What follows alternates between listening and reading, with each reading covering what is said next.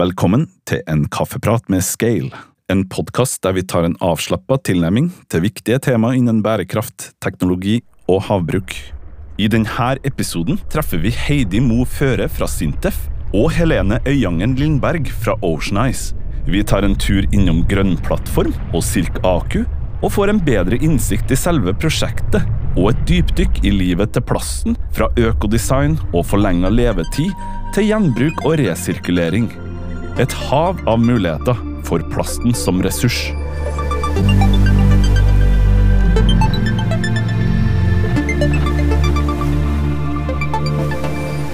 Hei og velkommen til en kaffeprat med Skeir. Mitt navn er Sherom Siesa, og i studio i dag med min gode kollega Hanne Digre. Hei, Hanne! Hei, hei! Og i dag så har vi med oss to veldig hyggelige gjester også. Vi har med Heidi Mo Føre fra Sintef, og så Helene Øyangen Lindberg fra Ocean Eyes. Hei! Hei, ja. Hei. Og i dag skal vi jo snakke litt om det her Grønn plattform-prosjektet som vi alle sammen er partnere i. Og hva er det? Ja, det heter jo for eh, SIRK AQ, eller Sirkulære løsninger for havbruksnæringa. Og prosjektet jobber jo med en av de største avfallsstrømmene, eller ressursstrømmene, kan vi kanskje si, fra oppdrettsnæringa, som er plastmaterialer fra oppdrettsanlegg. For plast er det mye av i den næringa her. Men nå vet vi litt mer om det, vet du ikke? Jo, vi gjør jo det. Ja. For du Heidi, du har eh, gjort et stykke arbeid der. Ja, eh, i fjor så eh, jobba vi jo en del med å finne ut eh, hvor mye plast er det nå i norske oppdrettsanlegg, og hvilken type plast. For som Hanne innleda med, så vi skal jo over på en mer sirkulær økonomi. Og da må vi jo vite hvilke ressurs er det vi har å forholde oss til. Og eh, hvordan kan vi bruke den videre når eh, utstyr fra oppdrettsnæringa avhendes. Mm. Og Heidi er jo litt nysgjerrig, for at eh, du har jo jobba lenge innenfor forskning. Og hvordan har du liksom kommet over, eller hvordan interessen for eh, plast i oppdrettsanleggene? Kan du si litt om bakgrunnen din, og hvordan du har jobba med tematikken? Ja, det er, mm, det er jo både litt tilfeldig at jeg havna her, og ikke så tilfeldig. Jeg har jo alltid vært eh, interessert i norsk eh, kystkultur. Og jeg er jo vokst opp med å være somrene på Helgelandskysten og veldig glad i båtliv og kysten, ja. Så eh, når jeg skulle studere, så ble det jo sivilingeniør i marinteknikk. Og, så den interessen har vært der hele tida. Og så var det egentlig litt tilfeldig at jeg havna innafor eh, havbruk, men eh, det har jeg jo ikke angra på. Det er jo en veldig spennende bransje. Så ja, det er ganske lenge siden jeg begynte å forske på eh, havbrukskonstruksjoner. Em, ja. Hva var inngangsbilletten der, da? Var det havbruk og plast? Det var jo både ja og nei. Eh, når jeg begynte, eh, da drev man jo på en måte og manna opp med ingeniører da, innenfor eh, havbruk. Eh, Fram til da så hadde det jo vært mest fokus på å få denne fisken til å spise og vokse. Men så var det jo da eh, tidlig eh, 2000-tallet en stor utfordring med at det var mye av fisken som rømte. Og det var en del anlegg som havarerte. Og det, da kunne det forsvinne flere hundre tusen fisk i verste fall da, om gangen. Så da var det mye forskningsaktivitet som var inn på det å lage mer robuste anlegg. Og ja, det har vi jobba med i mange år, altså både forskere og næringa også. Og vi ser jo Og det er jo mye plastanlegg. Eh, Det er jo mye plast som brukes i, i oppdrettsanlegg. Og det er jo fordi at det er jo et fantastisk eh, materiale, egentlig. Det må man jo ikke glemme. Um, og som beveger seg med bølger, og eh, ja, som passer godt til å holde på fisken vår. Men når du sier mye plast i oppdrettsanleggene, um, for det er jo både i nøteren og i bærende konstruksjonene. Kan du si litt mer om det? For at, uh, hvilke typer produkter som er laga av plast? Ja. Eh, det er jo sånn at eh, det er jo et nett da, som holder fisken på plass. Ligner jo på sånn fiskegarn og sånn som mange sikkert har sett. Og den, det nettet er jo festa i eh, blir jo veldig forenkla der, da, men noen flytende plastrør som har en sånn sirkelfasong og ligger oppå eh, vannoverflata. Og de er igjen festa i forankringstaug, som da går ned til et eh, anker. Og det er de viktigste komponentene, som vi kaller det, da, i et oppdrettsanlegg. Og som jeg begynte å si, så var det jo en del utfordringer og nå med de eh, komponentene. Og nå så er det jo jobba veldig mye med å få en god teknisk standard, og man har eh, bruker veldig gode plastkvaliteter. Så nå er jo fokuset innenfor den forskninga jeg driver med, det har jo endra seg litt fra det her med å lage anleggene sterke nok, til å kunne ha mer miljøvennlig bruk av plast, ja. Mm. Mm -mm. Du sier snakk om mye plast. altså Ja. For jeg som ikke har begrep om hva er lite eller mye, hva, hva snakker vi om? Uh, ja. store tall her. Eh, vi har jo funnet ut at i de her tre komponentene som jeg har nevnt, så er det omtrent 230 000 tonn med plast i norske oppdrettsanlegg. Og det er fordelt på over 800 oppdrettsanlegg langs norskekysten. Riktig. Ja. Om det er mye eller lite, det kan jo kanskje Helene si noe om? Ja, det er jo flere store bransjer da, som bruker mye plast i norsk industri, og akvakultur er definitivt en av dem. Så har man andre òg, altså landbruk, bygg og anlegg, vann og avløp. Eh, Men definitivt en av de bransjene som bruker og forbruker mye plastikk. Så kommer det jo inn som avfall på forskjellige tidspunkt, så vi får jo ikke 200 000 tonn i slengen. De har jo forskjellig livstid, de her komponentene, så noe kommer fortere inn enn det andre. Men Helene, du er jo forskning- og utviklingsleder i Oceanize. Stemmer? Hvor hen i verdikjeden er dere i forhold til plast? Ja, vi tar imot plastikken når den har eh, utgått sin levetid. Så vi tar imot plastavfall, og så sorterer vi, og så resirkulerer vi på anlegget hos oss. Så vi er et avfallsmottak som holder til på Rørvik i Nord-Trøndelag.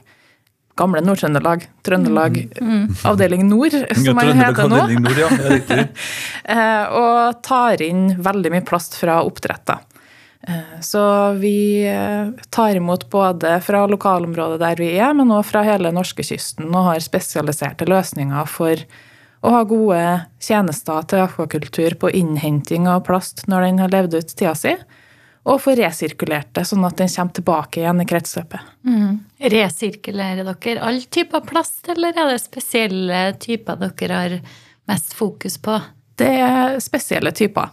Sånn at eh, vi tar imot ca. 10 000 tonn med plastikk i året.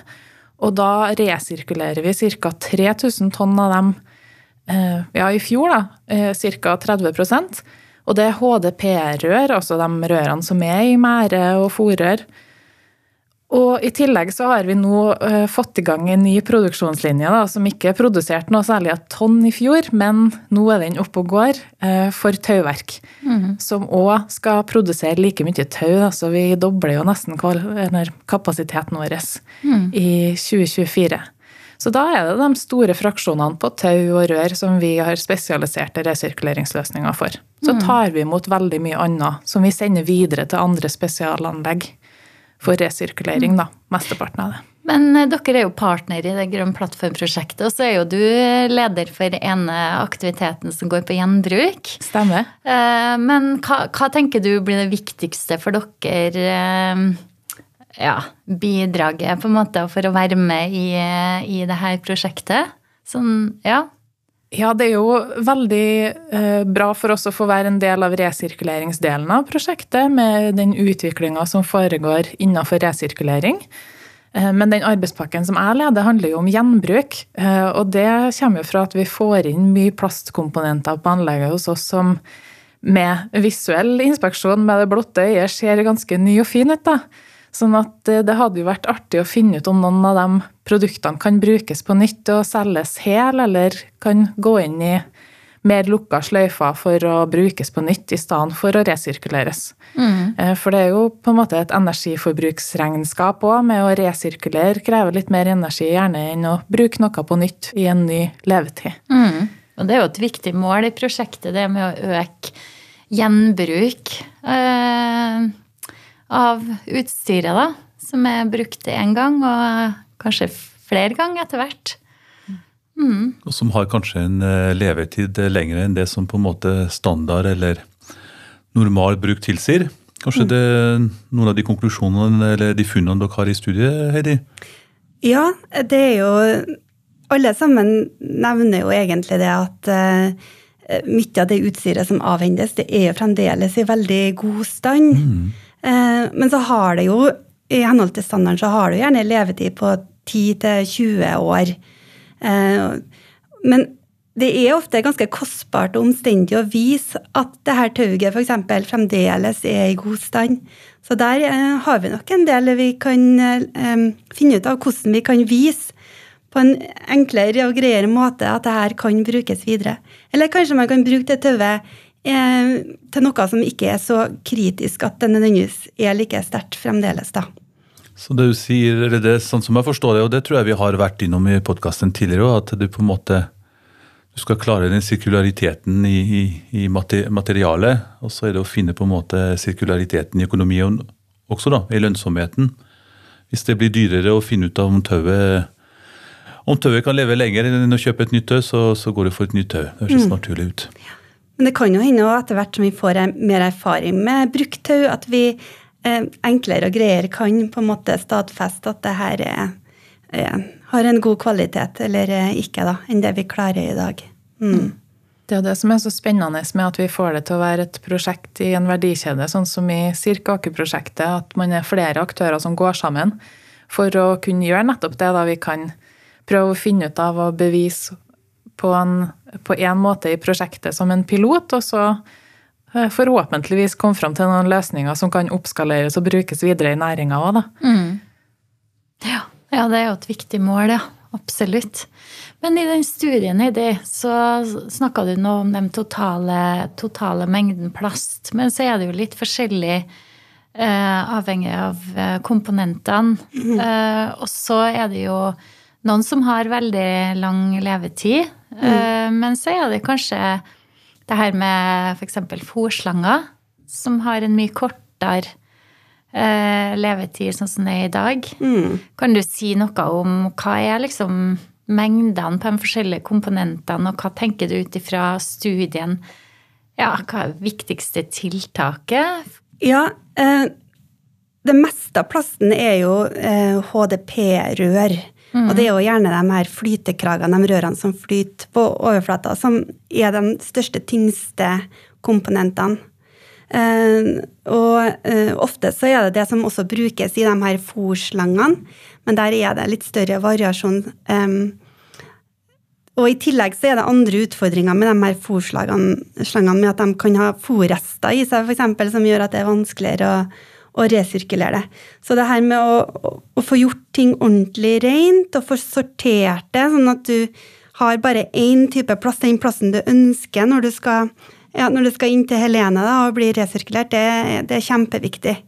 For har du noe urenheter eller noe dårlig plass til den miksen, så påvirker det veldig eh, mm. det du får ut av det. da. Men i utgangspunktet så er jo det er veldig mye det vi kaller for HDP 100. Og det er jo en veldig eh, sterk og seig plast. Og eh, veldig mye av den har jo super kvalitet. Selv om merda di på en måte er brukt opp, eller du ønsker annet mer, så er det, er det, veldig mye liv igjen i den plasten.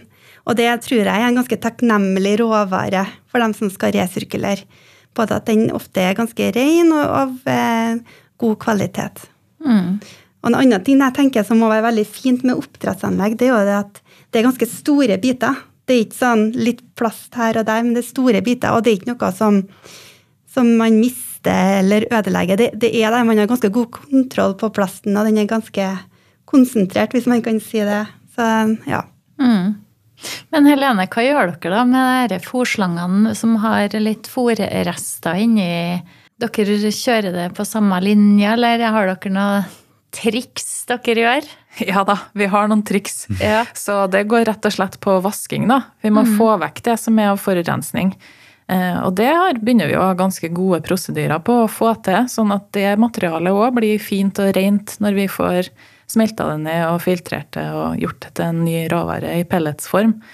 Eh, og så er utfordringa som vi eh, ser mest nå, i og med at vi har løst noe av det her med forurensning og vasking, at det kan komme inn andre materialer enn det HDPE-materialet som vi egentlig vil ha mest av. Mm. Sånn som Heidi sier, så er det på Forør flere produsenter, og ikke så mye sporing som følger de lassene med fòrrør. Eh, Og da kan det snike seg inn lass med rør som er noe annet. At de er lagd av PP i stedet for HDPE, eller at de er HDPE, men at det er kryssbundne polyetylen. Veldig teknisk plastspråk. Men eh, akkurat denne peksen, kryssbundet, det smelter ikke i smelteprosessen vår. Så det blir en knudrete, ekkel masse som ikke går gjennom sammen med det andre, og blir til forurensning. da. Ja. Så forurensning trenger ikke bare å være skitt og lort, det kan òg være andre typer plastikk som blir med inn i avfallsbehandlingsløpet. Så der trenger vi mer informasjonsdeling og eh, mer sporing på produktene underveis for at vi skal kunne ta imot det på en god måte og garantere for plastkvaliteten i neste runde. Det er kanskje litt den strategien vi kanskje ikke har snakka om nå. Vi har snakka om å forlenge levetida til den plastikken som er fortsatt halvgod til eh, veldig god når det kommer i dine hender, Helene. Alternativet å kverne det opp og så gi det et nytt liv. Eh, kanskje det starter med økodesign, det er også et begrep som jeg vet er i Sirkaku. Altså det med å ta det helt tilbake til designfasen og tenke gjennom nettopp det du sier nå. At du skal ikke blande ti fraksjoner eller ti typer, forskjellige typer plass, om det er PEX, PP eller hva, hva det nå heter. At du på en måte er bevisst nettopp disse tingene, altså Vugget i grav, eller vugget i vugget i vugget i vugget, og så en liten grav til slutt. Så økodesign det er også en strategi. Hvordan vi designer produktene eh, eh, i, i fremtida. Du Heidi, du nevnte og skal ikke, Det er ikke på tonnet, men vi snakker om anslagsvis 230 000 tonn eh, plastikk som er, flyter på anleggene rundt omkring i, Norge. Norge. Og noen av det, en brøk av det, finner veien eh, ut av det systemet. 10-15% anslagsvis, kanskje. 20 000-25 000 tonn eh, med plastikk som på en måte i en eller annen form skal, skal leve et nytt liv. da. Eh, hva liv er det? Hvor finner det veien hen? Vet du, Helene? Ja, vi får jo inn ganske mye av det, da. Eh, Vi får inn eh, kanskje en tredjedel, for vi får inn litt plast fra andre næringer òg, med fiskeri og landbruk og sånn. Eh, Men mye av det går gjennom oss, på, og da gjør jo vi vårt for at mest mulig av det skal bli resirkulert. da. De 3000 tonnene i fjor som vi resirkulerte sjøl, så er det en god del som sendes videre til andre resirkulerere. Eksempel der er jo den isoporen som er inni noen av mæreringene. Den presser vi og sender til andre anlegg som resirkulerer EPS, som det heter. Eh, som vi ikke har resirkuleringsanlegg for sjøl. Så det er et nettverk av resirkulerere i eh, Europa, stort sett. da. Det er ikke så mange andre i Norge. Eh, og Så det går til utlandet òg, ja? Ja da. Ikke bare i Norge, det. Okay. Avfall er en internasjonal trading business, så det er mye avfall som går utover Norges grenser. Ja, Eh, Så vi er en av få som resirkulerer i store kvantum i Norge. da. ok. Eh, Og så er det en del som går til forbrenning av det som ikke kan resirkuleres. Så da går det jo inn og blir varmegjenvinning, da. Eh, Enten i eh, lokale varmesløyfer, eh, eller til oppvarming av ulike industrielle prosesser. Og så er det en bitte liten mengde som går på deponi av det som ikke går inn i forbrenningsanlegg og ikke kan resirkuleres. Eh, Og der vil man jo helst ha minst mulig da, som skal deponeres, men eh, der må det designes annerledes for at det skal kunne demonteres og resirkuleres. Så det er noen sånne problemfraksjoner som eh, fremdeles ikke har noen god løsning. da. Ok, så det er si deres bidrag, Helene. altså Ja. Bidrag fra Oceanize. Så nå har vi en god kartlegging. Vi vet hvordan terrenget ser ut. Dere tar en bit av det. her. Hva er det vi i Scale bidrar med? Ja, nei, vi, vi jobber jo masse med ja, alle tematikkene i, i, Cirka Aker-prosjektet. Både å øke gjenbruk av utstyr, som eh, kan brukes igjen, da. Og vi jobber jo med det med levetidsforlengelse av utstyr. eh, spesielt kanskje flytekragen. Og så ønsker vi å øke andelen resirkulert materiale inn i nye produkter til oppdrettsnæringa. Og det gjør vi jo allerede. Vi produserer jo enkeltprodukter nå med resirkulert materiale, men vi ønsker å øke den mengden, da. Så sammen så bidrar vi jo egentlig alle sammen her da, til å få mer sirkulære løsninger Og forlenga, forlenga levetid er et nøkkelord, det òg. Absolutt. Det må være kanskje første trinn, hører jeg. Og det at du bruker resirkulert materiale inn i, inn i nye produkter, eller at du jobber med forlenga levetid, det vil jo også bidra til reduksjon av klimautslippene. For Scale sine utslipp er størst på materialbruk. Så jo mer vi klarer å på en måte endre det, vil ha direkte innvirkning på våre utslipp. da. Så det er jo den retningen verden skal gå i. Men Helene, det er jo ganske mye av det resirkulerte materialet som sikkert ikke går tilbake til havbruksnæringa òg, sånn som det er i dag, selv om vi ønsker å øke, øke det, den mengden. Men uh, hva går det til? Andre ting? Ja, det er jo mye andre næringer som òg er interessert i å redusere klimaavtrykket sitt og bruke resirkulerte råvarer. Så det er en del av materialene våre som ikke går tilbake til akvakultur, går jo videre til rørproduksjon i andre bransjer. Eller til eh, ja, tauverk kan jo f.eks. bli møbler, eller eh, armeringsstøtter i litt mer sånn industrielle formål. Så veldig mange forskjellige anvendelser eh, av den plasten som kommer fra havbruksnæringa. Eh, så vi har et, eh, et helt utvalg med kunder som bruker resirkulert plast i mange andre bransjer og produkter. Mm. Men Heidi, hva tenker du rundt det her med design av utstyr, da? Er det noe å gå på der i forhold til å øke andel eh, som går til resirkulering eller materialgjenvinning, da? Ja, det er det jo. Nå er det jo sånn at Jeg har jo nevnt at den største delen av plasten i oppdrettsanleggene er jo den flytekragen. og Den har jo egentlig et ganske godt design for resirkulering, for der er det på en måte HDP 100 eh, stort sett. da. Så, og da er det på en måte eh, veldig greit. Eh, Men vi har jo annet utstyr, sånn som nøteren, som gjerne er satt sammen av flere forskjellige materialer. Og vi har også noe taug som brukes, som er kombinasjonen mellom flere materialer. Så der eh, er det jo potensialet for å få til et design som er enklere å resirkulere. Men så er det jo også en grunn til at de er laga sånn som de er, da, og det er jo som sagt, det har jo vært veldig fokus på å ha sterkt nok, godt nok utstyr. Vi vil jo ikke ha rømming. Så man, det er jo mange tanker man må ha i hodet samtidig. Og ikke helt ta vekk fra det som er gode sirkulære tiltak allerede. Da. Så på nøter så er jo vasking og reparasjon veldig etablert i bransjen. Noe man nesten ikke tenker på som et sirkulært eh, tiltak, fordi at det er der allerede. Men det er jo noen av produktene som har mer sånn reparasjons- og serviceløsninger knytta til seg allerede. Absolutt. Et viktig poeng, Helene. Det har jo vært hele tida, egentlig. Jeg har nå lovt mine barn å stille spørsmålet her, for å få noe korreks. da. Og da roper de 'plast i naturen', 'plast i naturen'. Nå er jeg litt sånn tallmenneske, så nå har jeg regna på det der 230, og det som kom eh, tilbake i en eller annen form, og det som gikk gjennom kverna di, det som går gjennom scale-systemet, så er det virkelig sånn at det er lite plast i naturen fra, fra den virksomheten? Ja, det, det tror jeg faktisk stemmer. For eh, norske oppdrettere Jeg vil tro at de har veldig god eh, kontroll på utstyret sitt. Og det er ikke sånn at man bare mister en not eller mister en mer, eller ja, det, Og det er gode ordninger for å eh, returnere produktene. og eh, ja, jeg vil tro at eh, altså Noe er det jo sikkert. Man kan jo hende at man mister en taustump. Eh, det, det vet jeg er en utfordring som også har vært jobba en del med å finne gode løsninger på. Men stort sett så tror jeg vi har god kontroll på plasten i havbruket. Vi får jo inn noen tonn i året på, på avfallsanlegget vårt på, som er strandrydda plast. da. Sånn at det er jo mye gode initiativ på strandrydding langs kysten, og det dukker jo opp litt fra havbruk der òg. Men noe av det kan resirkuleres når det samles inn. Noe er for skittent til å resirkuleres, men, eh, men er veldig bra til å samles inn. Og så ser vi jo veldig mye gode tiltak i havbruksnæringa på eh, gode eksempler da, til etterfølgelse.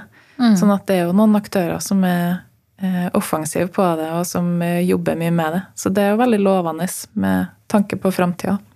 Ja, men Så bra. Godt å høre. Um, jeg tenker Vi bruker jo alltid å ha litt sånn, et sånn siste spørsmål, eh, Jerome. Eh, noe råd eller noe tips til scale, da. som leverandør til oppdrettsnæringa? Har dere det? Jeg kan jo gå først. Vi trenger jo at andre hjelper oss med å få resirkulert materiale ut i sirkulasjon. Vi produserer ingen produkter av resirkulert materiale sjøl. Sånn at vi er avhengig av at andre aktører deler informasjon om hvilke produkter de setter på markedet, eller som de bruker og at eh, det tas inn igjen i produksjonen av nye produkter. Så vi er jo glad for at vi deltar i dette prosjektet, at dere allerede har tatt steg i den retningen. Mm. Eh, så jeg vil bare oppfordre til videre å, eh, å bruke det ut mot kundene òg. Og anbefale dem hva de skal gjøre med plastmengdene sine, og, og hjelpe dem med å få gode rutiner. For vi, vi er alle i samme båt. Vi mm. trenger å utvikle hele systemet samtidig. Samme mer, ja. Mm. Enn du, Heidi? Noen tips og råd til oss? Ja, hva skal jeg si? noe vi burde vite mer om, noe vi burde forske på? Det er jo veldig mye viktig som tas tak i nå i det her Cirka Aker-prosjektet, og ting vi ikke har snakka om her også. Som jeg da kan nevne, selv om det er andre som kan mer om det, så tenker jeg det her med å jobbe med å forstå hvordan For nå vet vi jo veldig mye om hvordan plasten oppfører seg de 10-20 årene som vi tradisjonelt har brukt den. Men hva skjer når man har resirkulert den og skal bruke den 10-20 år til? Altså, ja, det der å, å, på en måte legge ned ressurser for å forstå hvordan man skal håndtere plasten, og hvordan den vil oppføre seg videre. Og det kan jo hende at kanskje man ikke skal på en måte tyne og bruke plasten for levetidsforlengelse og bruke den så lenge som mulig, men kanskje man kanskje skal avvende den før, mens den ennå er i god stand, og så kan man gi den litt ekstra antioksidanter og, og UV-beskyttelse, og så kanskje den kan brukes som, som nytt igjen en, gang til og en gang til og en gang til. ja. Men i hvert fall det å forstå, det er ikke så enkelt som å bare resirkulere det og bruke det på nytt igjen, men å legge ned ressurser i å forstå det der, da. Gode refleksjoner. Det her var nyttig. Grønn plattform, det er veien å gå. Samarbeid. Ja, det er jo viktig. Kjempeviktig. Samarbeid. Takk, begge to. Sjøl takk. Takk for meg. Du har hørt en kaffeprat med Scale, en podkast dedikert til å utforske det nyeste av trender, teknologi og bærekraftig praksis innen havbruk og sirkulær økonomi. Gjester inkluderer eksperter på fagfeltet og innovative ledere som deler innsikt, erfaringer og perspektiver på hvordan vi kan forme fremtida for havbruk på en enda mer ansvarlig måte. Podkasten produseres i samarbeid med Ambolt Audio.